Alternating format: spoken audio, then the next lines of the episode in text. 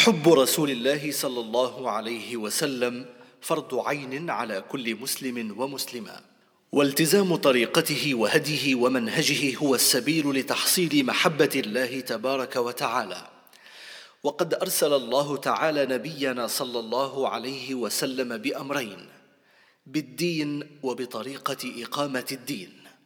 وقد أدى عليه الصلاة والسلام الأمانة كاملة وبلغ ما أوحي إليه من قرآن وسنة وأرسى أصول الإسلام وثوابته وشريعته الخاتمة. ثم بين عمليا طريقة إقامة الدين في النفوس وفي واقع الحياة من خلال سيرته المطهرة. فالسيرة النبوية هي البيان العملي والتطبيق الواقعي للإسلام على أرض الواقع وفي نفوس المؤمنين. والسيرة النبوية المطهرة هي المنهج العملي للإسلام. هل المقولة الشائعة بأن أزمة الأمة هي أزمة منهج لها معنى مع وجود السيرة النبوية؟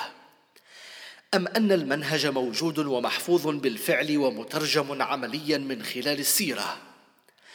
لماذا نردد ونقتنع بأن صلاحنا وصلاح الأمة في القرآن والسنة ومع ذلك نعطي ظهورنا للسيرة النبوية.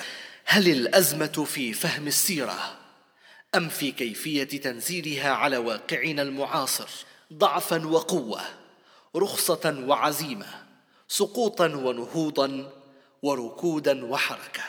السيرة النبوية مرآة صافية لنظام الحياة في هذه الدنيا.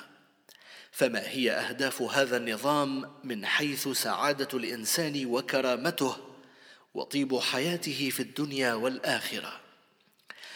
وإذا كانت السيرة النبوية هي التجسيد الواقعي لمنهج الإسلام في حياة الناس بكل ظروفها وأحوالها من إقبال وإدبار ويسر وعسر وسعة وضيق وبسط وقبض فكيف نعيشها في حياتنا وعلاقاتنا الشخصية والعائلية؟ ثم كيف يتحول هذا المنهج الإلهي إلى واقع تقوم فيه رسالة المسلمين في دعوة الناس إلى رحمة الله وسعادة الدارين ليعيد للإنسانية كرامتها المسلوبة ويحقق للإنسان حرية اختياره ويحول دون افتتانه.